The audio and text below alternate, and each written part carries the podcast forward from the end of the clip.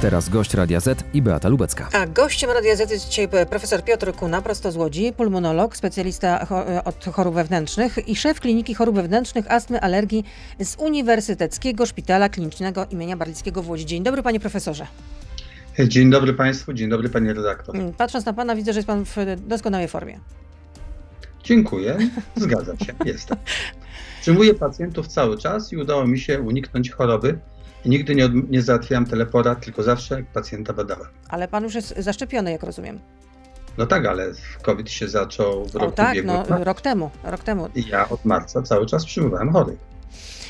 Ponad 21 tysięcy zakażonych wczoraj. Trzecia fala pandemii, można powiedzieć, że się rozpędziła, cytując pana ministra Niedzielskiego, czy też rozwijając jego to, co powiedział. Czy czekają nas kolejne wzrosty? Trudno powiedzieć, dlatego że nie mamy my jako lekarze dokładnych danych, czy są to ogniska rozproszone, czyli że mamy bardzo wiele osób, które są gdzieś w społeczeństwie po prostu zakażają inne, czy są to ogniska zlokalizowane, które można szybko ograniczyć, odizolować i zabezpieczyć. Ale szczerze mówiąc, patrząc na to, co było wcześniej w Polsce, to obawiam się, że te 21 tysięcy do 25 będzie jednak pewnym trwałym elementem przez najbliższe dwa tygodnie. A dlaczego nie mamy takich badań dotyczących ognisk właśnie ewentualnych? No dlatego, że polskie służby sanitarne są po prostu niewydolne i nie są na to przygotowane. I mimo tego, że rok czasu trwa pandemia, to nic się tam nie zmieniło. Te panie bardzo ciężko pracują, my mamy z nimi kontakt, współczujemy im głęboko. One po prostu nie dają rady i nie są w stanie już nic więcej zrobić. Dlatego nie możemy zapanować nad tymi ogniskami. A kiedy można spodziewać się takiego piku? Ten pik jeszcze przed nami? Ten szczyt pandemii, trzeciej fali? Ja myślę, że ten pik będzie w przyszłym tygodniu. A Wielkanoc, nie. tak jak w tamtym roku, też spędzimy tylko w takim wąskim gronie, w gronie domowników, najlepiej bez odwiedzin i bez wyjazdów? Bardzo mi przykro, ale tak będzie. Wielkanoc ponownie spędzimy w wąskim gronie, chociaż proszę pamiętać, że rok temu na Wielkanoc było 500 zakażeń, podkreślam słowo zakażeń, nie, nie zachorowań, ponieważ trzeba wyraźnie oddzielić zakażenie wirusem SARS-CoV-2 od choroby COVID. To są dwie kompletnie inne rzeczy. Bardzo wiele osób, u których się wykrywa wirusa metodą PCR, tak naprawdę nie choruje i nawet nie jest w stanie nikogo więcej zakazić, ale to są już sprawy medyczne i jeżeli specjaliści o tym doskonale wiedzą. W tym roku można się spodziewać między 15 a 20 tysięcy zakażeń, dlatego myślę, że będziemy musieli pozostać w domach. A czy trzeba będzie zamknąć Polskę? Bo jak mówił wczoraj pan minister Niedzielski, to materializuje się czarny scenariusz rozwoju pandemii. No i kolejne dwa województwa od poniedziałku będą y, objęte lockdownem, czyli mazowieckie i lubuskie. To znaczy, ja się bardzo cieszę, że lockdown nie dotyczy całej Polski, tylko zaczyna dotyczyć województw. Jeszcze lepiej, gdyby dotyczył poszczególnych powiatów, bo chociażby w województwie warmińsko-mazurskim czy pomorskim są takie powiaty, gdzie jest bardzo mało zakażeń i takie, gdzie jest bardzo dużo. No więc niestety również ci, którzy można powiedzieć bardziej się pilnują i nie przenoszą zakażeń, są karani za to, że sąsiedzi się nie pilnują. Więc to byłoby dużo lepsze. Tylko mówię, jesteśmy chyba niewydolni jako państwo organizacyjnie, żeby to zrobić. Są województwa również, gdzie nie ma tak wiele zakażeń. Proszę zwrócić uwagę, że najbardziej dotknięte są te województwa, gdzie rok temu było stosunkowo mało zakażeń. Ja mówię w ten sposób: z wirusem się trzeba oswoić, bo on z nami zostanie na zawsze. Zetkną z mi się wszyscy, każdy, nawet ci, którzy są zdrowi. Jedyną wyjścią z tego kryzysu jest szczepienie, szczepienie, szczepienie. A czy można było powstrzymać jakoś nadejście tej trzeciej fali? Czy to w ogóle było niemożliwe po prostu? Moim zdaniem to jest niemożliwe, dlatego że jeżeli się patrzy w sposób, ja mówię, metodyczny, naukowy i są takie wieloletnie obserwacje nad zachowaniem koronawirusów w strefie umiarkowanej, między innymi w takich krajach jak Polska, to zawsze w okresie koniec lutego, marzec jest pik, kwiecień zaczyna wygasać, a w maju już powinien być spokój. I to samo jest w październiku, w listopadzie. I można sobie zerknąć na daty, tam gdzie się monitoruje, jakie infekcje wirusowe są najczęstsze, koronawirusy, i to tak mniej więcej od kilkudziesięciu lat wygląda identycznie tak samo. Ja uważam, że ten wirus zachowuje się tak samo. Dodatkowo niestety doszedł bardziej zakaźny wariant, wariant brytyjski, który zaczyna teraz dominować, no i stąd mamy po prostu ten wzrost. Ale patrzę też na naszych sąsiadów zachodnich. No Niemcy przeszli 5 miesięcy gospodarczych lockdownów z rzędu, no i od tygodni mają lepsze wskaźniki ekonomiczne niż Polska. E, epidemiczne powinno być, a nie ekonomiczne. Oczywiście epidemiczne, przepraszam za przejęzyczenie. Znaczy, panie redaktor, ja w ostatnim roku jednak podróżowałem, bo byłem kilka razy w, w Niemczech. Ten lockdown w Niemczech mm, wcale nie wygląda tak, żeby coś tam było zamknięte. Proszę mi wierzyć. E, więc e, my to odbieraliśmy jako lockdown, ale jak ktoś tam żył, to dawało się żyć zupełnie normalnie. Podobnie w Szwajcarii. Niemcy rzeczywiście mają bardzo dobre wskaźniki. Mają w sumie w przeliczeniu na milion mieszkańców znacznie mniej zachorowań, znaczy znacznie mniej zakażeń, znacznie mniej zgonów, co jest bardzo ważne. Ale z drugiej strony Czesi, którzy byli prymusami sobie fantastycznie radzili. Słowacja. W tej chwili no, jest tam najwięcej zachorowań, zakażeń i zachorowań na świecie. No ale kolejne kraje też zapytam jeszcze na, na koniec tej y, części radiowej, że kolejne kraje europejskie zawieszają szczepienia preparatem AstraZeneki e, po śmierci austriackiej pielęgniarki i dwójki Włochów. Czy my też powinniśmy pójść tym tropem? Na razie nie idziemy. Ja myślę, że jest to nieporozumienie, dlatego że w wielu krajach szczepi się bez zastanowienia wszystkich. Jeżeli my będziemy szczepić osoby starsze z wielochorobowościami, które tak naprawdę mają ryzyko zgonu z dnia na dzień rzędu 90%. Są algorytmy, które to wyliczają no to wiadomo, że ta osoba ma wysokie prawdopodobieństwo zgonu nie z powodu szczepionki, tylko po prostu ze swoich wszystkich innych chorób. I tak się dzieje, tak się dzieje w Skandynawii, tak się dzieje we Francji, e, ponieważ tam się szczepi wszystkich, jest taka, można powiedzieć, urawniłowka.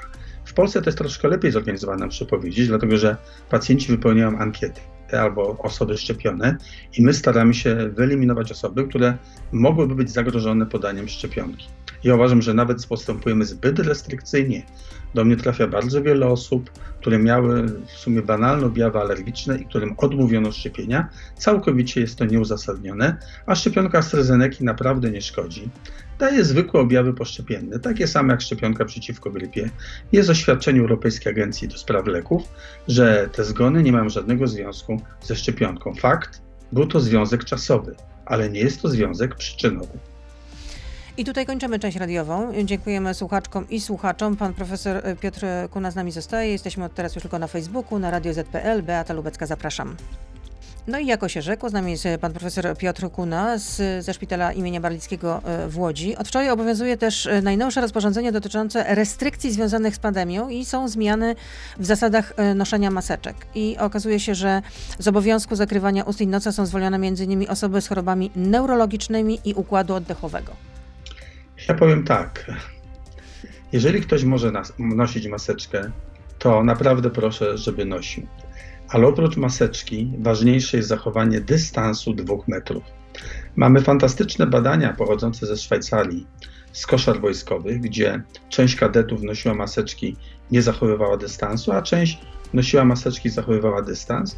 I ci, którzy mieli tylko maseczki, jedna trzecia zaraziła się wirusem SARS-CoV-2.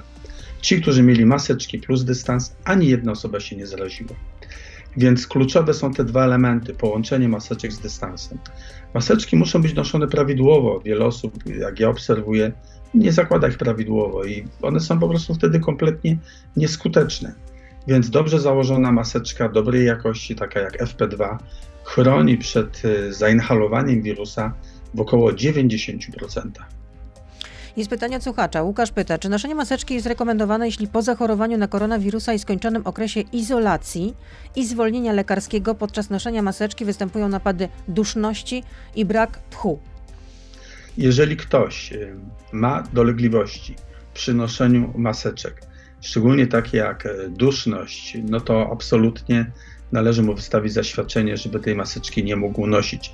Ja w ciągu roku pracy i pracy z pacjentami z COVID wystawiłem takie zaświadczenia dwóm osobom i rzeczywiście one kompletnie nie tolerowały żadnego rodzaju maseczek. I kolejne pytanie słuchacza. Michał pyta. W USA praktycznie nie ma różnicy w liczbie zakażeń bez względu na to, czy maseczki są obowiązkowe, czy nie są. Są dane empiryczne z kilku ostatnich miesięcy. Czy w związku z tym noszenie maseczek powinno być nieobowiązkowe? No to jest tak jak powiedziałem, jest jedno jedyne badanie naukowe, kontrolowane, randomizowane, gdzie 3000 osób założyło maseczki. To w Szwajcarii, tak? Nie, to było badanie akurat y, w Danii. To w było, Danii. dotyczyło tylko maseczek. 3000 nosiło maseczki przez odpowiedni okres czasu, pozostała grupa też 3000 nie nosiła maseczek i nie było żadnej różni, różnic w liczbie zakażeń na COVID. Wytłumaczenie badaczy duńskich prac jest opublikowana, dostępna w Annals of Internal Medicine, w bardzo dobrym czasopiśmie. Wytłumaczenie badaczy duńskich było takie, że maseczki były noszone głównie na zewnątrz budynków, a my tak naprawdę wirusem SARS-CoV-2 nie zarażamy się na wolnym powietrzu. To słynne zamknięcie lasu rok temu, no to po prostu można powiedzieć Monty Python, no to jest żart. I to jest właśnie przykład, jak działają czasami władze, jeżeli się nie posługują wiedzą, tylko emocjami. W związku z tym my wiemy, że same maseczki nie wystarczają. To powiedziałem, muszą być maseczki plus dystans. I co jest również bardzo ważne, my się tak naprawdę zakażamy wtedy, kiedy jesteśmy razem w pomieszczeniu zamkniętym. I my wiemy, że ryzyko zakażenia zależy od czasu przebywania z osobą zakażoną, od tego na przykład, czy ona kaszle lub głośno mówi, czy śpiewa. E, I bardzo ważne jest tak zwane obciążenie wirusem. Ile my tego wirusa zainhalujemy? Jak zainhalujemy mało, to się nawet nie zarazimy, a wprost przeciwnie, możemy nawet nabierać stopniowo odporności. I to jest też bardzo ciekawe zjawisko uodparniania poprzez narażenie na niewielkie dawki wirusa. To jest pomysł szwedzki. No wszyscy krytykują za Szwecję, ale jak się spojrzy na wskaźniki Szwecji dzisiaj i polskie, to one są prawie takie same. Tam nie było lockdownu, u nas był lockdown. Więc jak Państwo widzą, te metody nie zawsze są takie same. W Wielkiej Brytanii był ogromny lockdown, niezmiernie restrykcyjny, a mają tak naprawdę najwięcej zgonów w Europie i najwięcej zachorowań w Europie. Więc y, słuchacz ma absolutnie rację, że y, samo noszenie maseczek to jeszcze nie wszystko. To muszą być spełnione te, tych kilka kryteriów. Ja proponuję wietrzenie pomieszczeń, no nie spotykanie się w tym większym gronie, e, zachowanie dystansu nawet w domu, nawet w domu. I myślę, że skoro sam jestem przykładem, że pracując z pacjentami, badając pacjentów, stykając się z nimi, można tej choroby uniknąć, to można. Ja powiem jedną ciekawą rzecz. Jeżeli popatrzymy na zgony w Polsce z powodu wirusa COVID-19, to w grupie lekarzy jest 10 razy mniej zgonów niż średnio w społeczeństwie to pokazuje, że lekarze zachowują się racjonalnie, mimo ogromnego ryzyka, mimo tego, że mają ryzyko populacyjne plus ryzyko zawodowe. A więc właściwie się zachowując, można uniknąć choroby. Ale może lekarze też mają większą odporność w związku z tym, że no, bardzo często spotykają się z pacjentami, którzy mogą przenosić wirusa, nie tylko jeszcze zanim zetknęliśmy się z, z COVID-19. Ja nie powiedziałem, że mniejsza liczba lekarzy zachorowała. Mhm. Mniejsza liczba lekarzy zmarła z powodu COVID. To pokazuje, że ten, to obciążenie wirusem było mniejsze, bo jest wprost proporcjonalnie. Im więcej zainflujemy wirusa. Na przykład tragedią jest to, że osoby, które mają dodatni wynik, trafiają do szpitali, dlatego że mają dodatni wynik, nie mają objawów, trafiają na salę pięcioosobową, gdzie wszyscy są zarażeni, Dodatkowo dostałem potężną dawkę wirusa i tydzień później mają ciężkie zapalenie płuc. To jest nieporozumienie, tak nie powinno być. Powiedziałem, ktoś, kto nie ma objawów, nie powinien trafiać do szpitala. A dlaczego teraz mówi się, że jeśli w przypadku tego brytyjskiej odmiany koronawirusa, tej mutacji, to do szpitali, do szpitali y, trafia coraz więcej młodych osób? E, powiem tak, proszę pamiętać, że ta epidemia dotyczyła głównie ludzi starszych. I to było jasne, że na przykład średnia wieku zgonu we Włoszech, o czym mało kto wie, to jest 80 lat. Średnia wieku w Polsce to było około 65 lat, ona w tej chwili się obniża. Dlaczego? No bo Polacy żyją 8 lat krócej od Włochów, więc to wynika z naturalnych czynników. I ta populacja ludzi starszych, która miała to przechorować, w zasadzie już przechorowała. W związku z tym schodzi to na coraz młodsze grupy wiekowe. Dodatkowo mamy wariant, który jest bardziej zakaźny, a więc jest większa szansa zarażenia się. No i mamy ten styl macho, że w Polsce nie damy się wirusowi. Yy, I mówię jeszcze raz, jeżeli nie ma objawów, absolutnie leczenie domowe, izolacja domowa yy, i to jest najlepsza rzecz, bycie bez innych osób chorych. Ale jeżeli dochodzi do niewydolności oddechowej, to ponieważ choroba postępuje czasami niezmiernie gwałtownie, Pacjent jest w dobrym stanie rano, a wieczorem może już być na respiratorze. Więc należy uchwycić ten moment. I na przykład ja prowadzę wielu pacjentów, można powiedzieć, doradzam im, co robić. No to staram się z nimi kontaktować trzy razy dziennie. Każdy ma pulsoksymetr. Każdy wie, że ma sobie mierzyć co? Pulsoksymetrem saturację tlenem. Liczbę oddechów na minutę. Bardzo ważny parametr. Czynność serca i gorączkę. Jeżeli monitorujemy te proste parametry, które każdy, każdy może sobie sprawdzić, to będziemy w stanie uchwycić moment, kiedy powinniśmy jednak wzywać pogotowie iść do szpitala. A właśnie kiedy jest ten moment zwrotny, ten punkt zwrotny?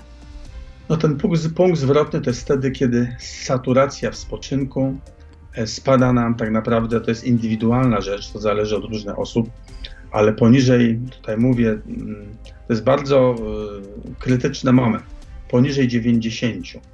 Według literatury jest 94, ale powiem szczerze, że Polacy źle mierzą, bo wystarczy, że kobieta ma pomalowane paznokcie, to już nie zrobi dobrze saturacji. Wystarczy, że ktoś pracuje na przykład w rolnictwie, to też nie zrobi dobrze saturacji, bo ma inną skórę, tam jest inne badanie. Mogę powiedzieć tak, jeżeli ktoś w spoczynku zaczyna odczuwać duszność, powinien się natychmiast zgłaszać do szpitala. Przypomnę, że naszym gościem. Tak? Liczba oddechów. Liczba oddechów no, według Amerykanów powyżej 30, ale ja dla Polski przyjmuję powyżej 24, powyżej 26 na minutę. To jest nie tylko tak, że nam jest duszno. Czasami może nam nie być duszno, ale możemy bardzo szybko oddychać. To jest ekwiwalent duszności. I też to powinniśmy brać pod uwagę. Przypomnę, że dzisiaj naszym gościem, gościem Radia Z jest profesor Piotr Kuna z szpitala imienia Barlickiego w Łodzi i zapytam teraz o kadry, bo przecież um, słyszymy, że brakuje dramatycznie lekarzy. Czy są jeszcze jakieś rezerwy, skąd możemy czerpać? Powiem tak. E, w czasie tej pandemii jest sytuacja przedziwna, ponieważ z jednej strony NFZ zakazuje nam przyjmowania pacjentów. I mówię poważnie. NFZ zakazuje nam przyjmowania pacjentów. Proszę zobaczyć, że szpitale poradnie przyjmują dużo mniej chorych niż w dawnych latach. No więc lekarzy powinno wystarczyć. Natomiast potworzono oddziały COVID, gdzie praca jest niezwykle ciężka i odpowiedzialna, gdzie się trzeba przebierać no, specjalne stroje chroniące, y, praca w których jest y, koszmarnie obciążająca. I ludzie po prostu są bardzo, bardzo zmęczeni. Wielu lekarzy nie chce na tych oddziałach pracować, bo powiem szczerze, jeżeli ktoś skończył 60-50 lat i też nie jest do końca zdrowy, to ubranie się w taki strój, w specjalne maski i praca jest prawie niemożliwa. On nie ma kondycji, żeby to robić. Więc pracują często na tych oddziałach młodzi lekarze, rezydenci, którzy są znakomici, bardzo oddani, ale oni też po prostu są zmęczeni. Więc ja myślę tak, lekarze są, tylko nie wszyscy lekarze są w stanie pracować na oddziałach covidowych. My jesteśmy już szczepieni i warto się zastanowić, czy te restrykcje dotyczące e, specjalnych warstw ochronnych, przebierania się, brania pryszniców, mycia są nadal konieczne, ponieważ badania obserwacyjne z Izraela, ze szpitali, wykazały, że osoby zaszczepione szczepionką Pfizera BioNTech, czyli taką, jaką my byliśmy szczepieni, pracownicy ochrony zdrowia, nie tylko zabezpiecza w 95% przed zachorowaniem, podkreślam, zachorowaniem na COVID, ale w 90% zabezpiecza przed transmisją wirusa. Nie dość, że my nie zachorujemy, to ja nie mogę przenieść wirusa z jednej osoby na drugą. No to są to bardzo silne dowody, publikowane w bardzo rzetelnych czasopismach. Ja w nie wierzę. I myślę, że te restrykcje i dostęp do tych pacjentów covidowych powinien być tak naprawdę troszeczkę bardziej swobodny. Druga rzecz. Tak naprawdę na każdym oddziale mamy COVID. W szpitalu u nas przychodzi pacjent, nie ma COVID-u. Robimy badanie 3 dni, później 5 dni, później już ma COVID. I to na każdym oddziale, nawet można powiedzieć na chirurgii plastycznej, tak jest. A więc wszyscy lekarze są eksponowani, cały personel jest eksponowany. I tutaj robienie szczególnych oddziałów covidowych, zamykanie, izolowanie i ograniczanie dostępu nawet lekarzy do prowadzenia tych pacjentów, moim zdaniem powinno się zmienić. No ale pytałam właśnie, skąd te rezerwy? Czy jeszcze można na przykład czerpać? Na przykład, czy rezydenci mogą, bo teraz y, mogą być też y, taką rezerwą, bo, no bo czytam też, że y, rezydenci zwrócili się do Ministerstwa y, Zdrowia y, z takim pismem, żeby odwołać część ustną tych egzaminów PES dla lekarzy. Bo lekarze powinni być przy łóżkach pacjentów, a, a nie zdawać egzamin ustny. Panie redaktor, a chciałaby się pani leczyć u złego lekarza, nie. niewykształconego lekarza nie, bez nie, wiedzy? Ja powiem tak. Izby lekarskie, środowisko medyczne stara się za wszelką cenę dbać o wysoki poziom wykształcenia polskich lekarzy. I to nam się do tej pory udawało. Przykładem jest to, że bardzo wielu lekarzy wyjechało do Niemiec, do Wielkiej Brytanii i tam są świetnymi specjalistami.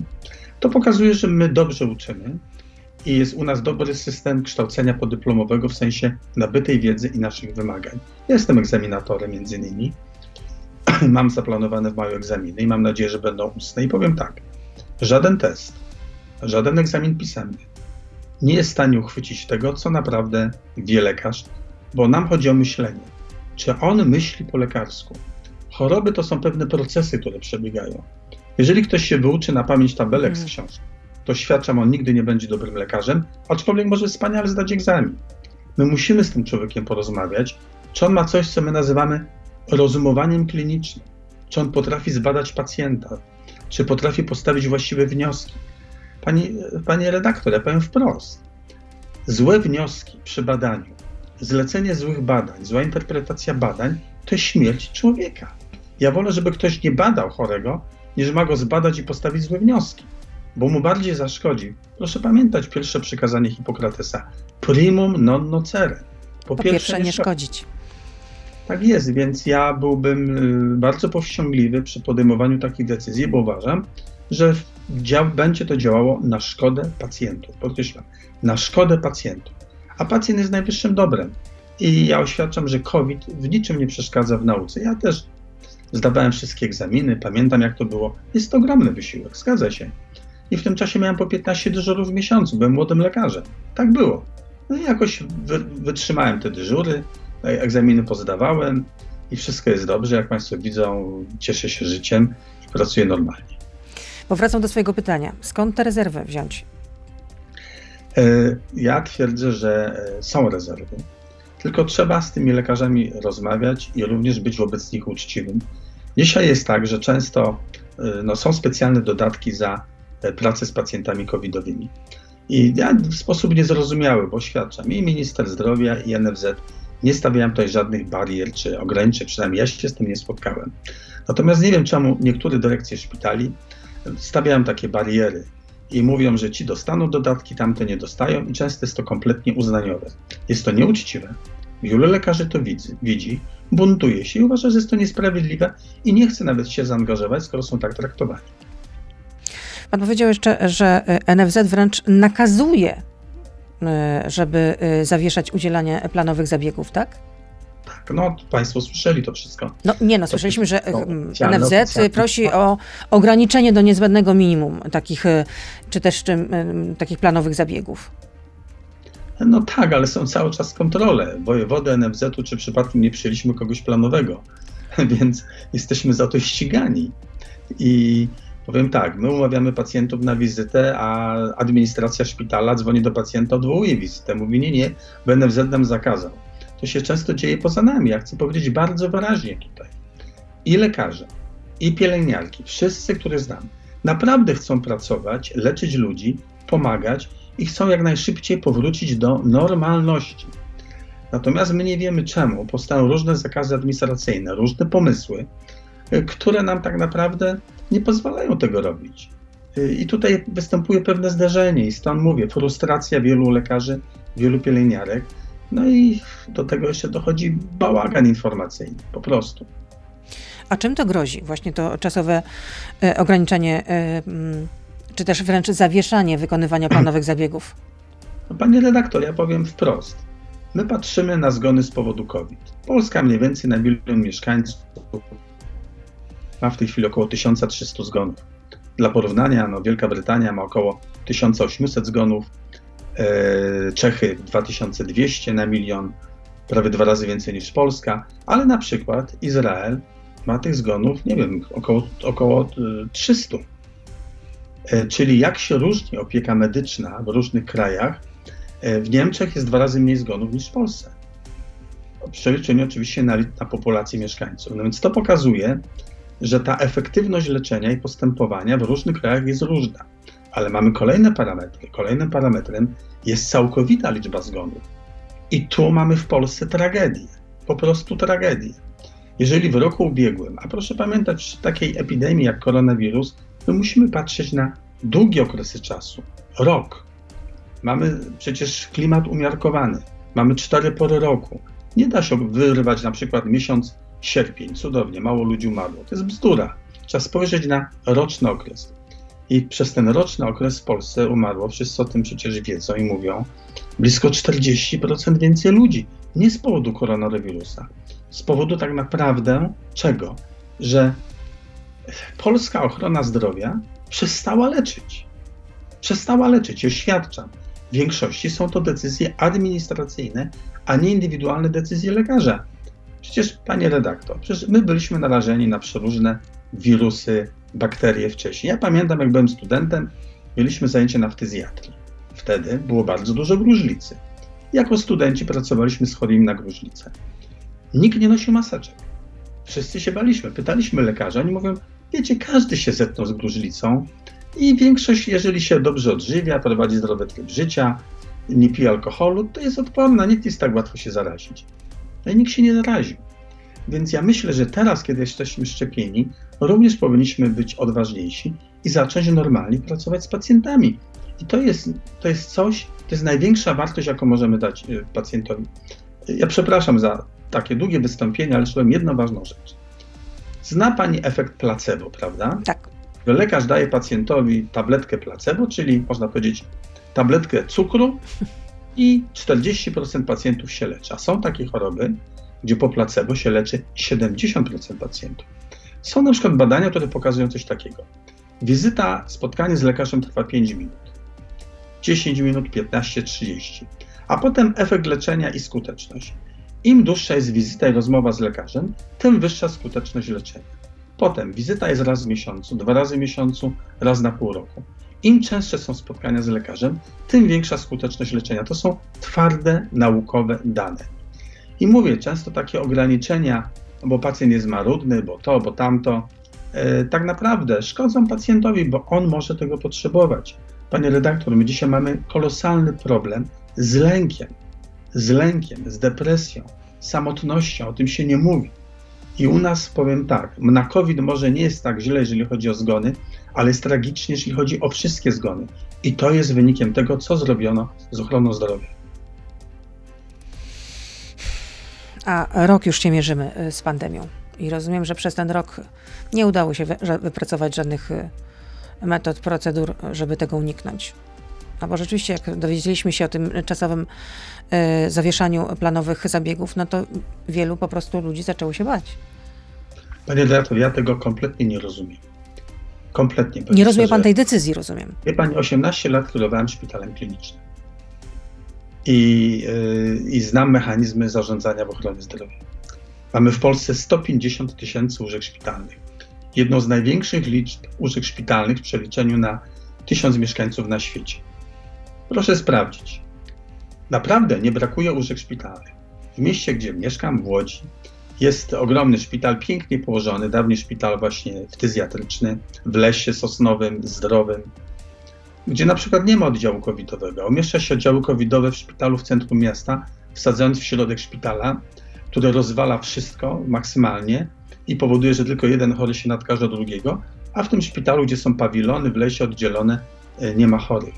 To jest zarządzanie przez wojewodę. Gdzie to jest rozsądek, gdzie to jest mądrość, gdzie to jest dbałość o chorych?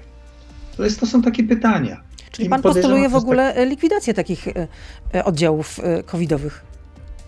A czy ja nie proponuję likwidacji oddziałów? Uważam, że one powinny być umieszczane w takich miejscach, gdzie można pacjentom zapewnić, y, tym, którzy są zarażeni i innym pacjentom, absolutne bezpieczeństwo. To jest bardzo ważne. To jest najważniejsze. E, Tak się nie dzieje. To są takie decyzje brane po prostu, no bo tak sobie ktoś wymyślił. Na dobrą sprawę nie wiadomo dlaczego, bez żadnego uzasadnienia. I to się potem przekłada na tą liczbę zgonów. To się przekłada na to, że ten szpital, który jest budynkiem nieprzystosowanym do takich pacjentów, gdzie są ścieżki łączenia się transportu z wszystkimi oddziałami przez ten oddział covidowy, po prostu nie może przyjąć nikogo więcej, zostaje zablokowany. Czyli jedna decyzja wojewody nie powoduje to, że powstaje tam 20-30 łóżek, tylko że się blokuje 200-300 łóżek. A jednocześnie szpitale pawilonowe stoją wolne, puste, mogą przyjmować. No, ja mówię, ja, ja takich rzeczy nie jestem w stanie pojąć. Widać, że osoby zarządzające czy wydające decyzje w sprawie tej pandemii, administracyjne, nie mają żadnego doświadczenia, żadnego rozeznania i niczego nie rozumieją. No, ale przecież powinni mieć doradców. No wie pani, byłem przez 6 lat konsultantem wojewódzkim do spraw chorób wewnętrznych. I przez te 6 lat wojewódzkie łódzkim było 52 szpitale. Ja byłem w 50 szpitalach na każdym oddziale. I wiedziałem, co ten szpital może, jak wygląda i co należy robić. Czy ktoś pyta konsultantów, pyta jak szpitale? Nie, nikogo to nikogo nie pyta. Decyzje są podejmowane przez administrację rządową. Jeszcze są pytania od. No, nakreślił pan taki obraz, że. Nie no, nakreślam obraz uczciwy, No. taki jak jest. Ja tutaj nie koloryzuję i każdy może to sprawdzić. Mówię, jeżeli powołuje się na dane dotyczące wirusa, powołuje się na opublikowane dane naukowe. E, Ja mówię, ja, ja podziwiam na przykład Izrael za to, bo sobie znakomicie poradził z wirusem. Tam była bardzo duża liczba osób zarażonych w stosunku do całej populacji, bardzo duża. A jednocześnie bardzo mało zgonów. I szukałem na stronach, e, no można powiedzieć, organizacji, która zajmuje się ochroną w Izraelu, co oni zrobili. Oni postawili, w ogóle stawiałem na opiekę domową, ponieważ tam zlikwidowano praktycznie szpitale. Jest bardzo mało łóżek szpitalnych w kraju, gdzie na dobrą sprawę trwa wojna. To jest fas- fascynujące. Ale jest tak zorganizowana opieka domowa, że pacjent naprawdę musi być leczony w domu. Oczywiście ktoś, ktoś się nim opiekuje. Pielęgniarka, lekarz, opiekun medyczny sprawdza, dzwoni do niego. Można to zorganizować. Ja uważam, że w Polsce też to można było zorganizować. No ale nie było takiej woli. Jeszcze mamy pytania od słuchaczy. Mm, Gdzie się podziała grypa? Pyta Radek. No to pokazuje cudownie, że jak zaczęliśmy nosić maseczkę i utrzymywać dystans, to inne infekcje, które nas nękały, jak chociażby grypa, e, rinowirusy, adenowirusy i inne wirusy przeziębienia, koksaki na przykład, e, po prostu nie są w stanie nas, nas e, zarażać. Fakt, że na przykład mm, wir, koronawirus jest mniej więcej, no tutaj są różne dane, ja powiem, nie mogę powiedzieć z całą pewnością, od półtora do pięciu razy bardziej zaraźliwy od grypy. Czyli my chroniąc się przed koronawirusem, jeszcze lepiej się chronimy przed grypą. Dlatego jej nie ma. Yy, Lili Laj. Ciekawy nick, ciekawy. Pyta. Izolacja i lockdown sprzyjają zaburzeniom odżywiania. Dodatkowa opieka psychiatryczna jeszcze bardziej kuleje, a myślałam, że gorzej być nie może. Pyta słuchaczka. Czy są jakieś badania, które mówią o cięższym przebiegu COVID yy, u osób z bulimią czy anoreksją? Oczywiście, każde zaburzenie psychiczne, to o tym się nie mówi powszechnie. Lęk, depresja, bulimia, e, zaburzenia odżywiania powodują co? Powodują spadek naszej odporności. Uszkadzają nasz układ odpornościowy. Jeżeli mamy uszkodzony układ odpornościowy, to nie będziemy się w stanie skutecznie bronić przed wirusem. I dlatego są to osoby znacznie większego ryzyka. I te osoby również częściej giną. Tylko nikt na to naukowo nie patrzy, nie sprawdza, no bo wszyscy patrzą na nadciśnienie, na otyłość, na cukrzycę, bo tym się zajmujemy. Natomiast no, pacjentów z bulimią z tym jest dużo mniej, psychiatrów jest również niewielu. Nie mają takiej jakby siły przebicia się, żeby e, ten problem pokazać. Ale istnieje ten problem. Ja się zgadzam z, e, z naszą słuchaczką, absolutnie.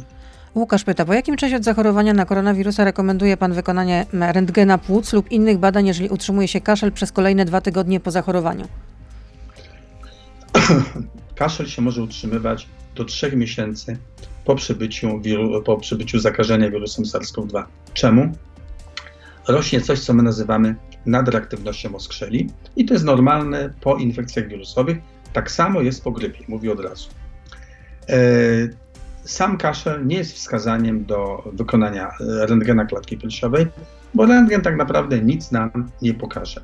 Jeżeli jednak ten kaszel się będzie utrzymywał przez kolejne no, co najmniej 6 tygodni, e, jeżeli do tego dojdzie na przykład uczucie duszności przy wysiłku, to wskazana jest od razu tomografia komputerowa. Jeżeli tomografia komputerowa nic nie pokaże, e, no to należy wykonać badania dotyczące krzepnięcia krwi, chociażby dedimery, i również iść do kardiologa, który powinien zlecić rezonans mięśnia sercowego. U 15% chorych po przechorowaniu COVID-19 dochodzi do zapalenia mięśnia sercowego i uszkodzenia. Fakt jeden, nie ma na to lekarstwa, tylko odpoczynek. Ale trzeba to stwierdzić, żeby pacjent na przykład nie poszedł do pracy, nie zaczął wykonywać jakiegoś nadmiernego wysiłku fizycznego, bo może wtedy mieć poważne komplikacje zdrowotne. A jeżeli ma z kolei wzrost zdolności do zakrzepicy, proszę pamiętać, COVID to jest zapalenie płuc. To jest śródmiąższowe zapalenie płuc. U części osób w następstwie tego śródmiąższowego zapalenia płuc rozwija się tak, zes, tak zwany zespół ARDS. To jest tak zwany ostry zespół niewydolności oddechowej. Następnym krokiem może być sepsa. Ale tu mówimy o płucach, to jest cały czas związane z płucami. Ale oprócz tego COVID niestety uszkadza nasze naczynia krwionośne i zwiększa zdolność do tworzenia zakrzepów w tych naczyniach, szczególnie u osób z miażdżycą. I to jest drugi jakby etap tej choroby. On się zaczyna często 14 dni po zachorowaniu, a nawet 20. To jest tak, że pacjent oddechowo już jest super, wychodzi do domu, nagle ciach, udar mózgu, zator tętnicy płucnej, dzieje się coś złego. To jest jakby drugi etap choroby. Tym drugim etapem choroby są również zapalenia płuc bakteryjne.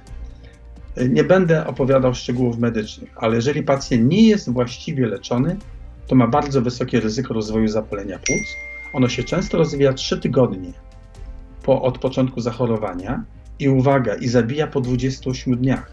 A my tych zgonów po 28 dniach w ogóle nie uwzględniamy w statystyce. Jeszcze jedno pytanie. Bartłomiej pyta, jestem alergikiem, mam pyłkowicę, biorę leki typu Telfast, ale czekałem do chwili po pierwszym szczepieniu jako wykładowca.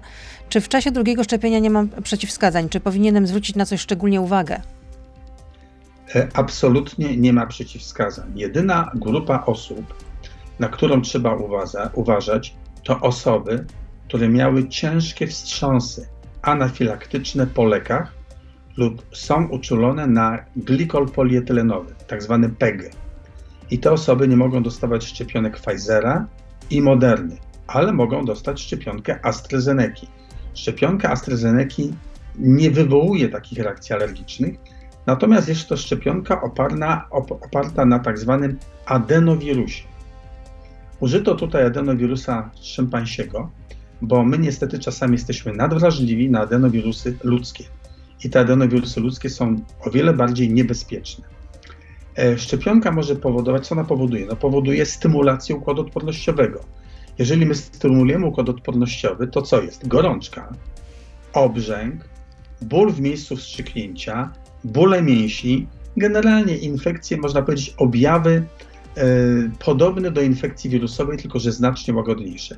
Ale nie dostaniemy zapalenia płuc, nie dostaniemy zakrzepicy, nie umrzemy, nie dostaniemy niewydolności oddechowej.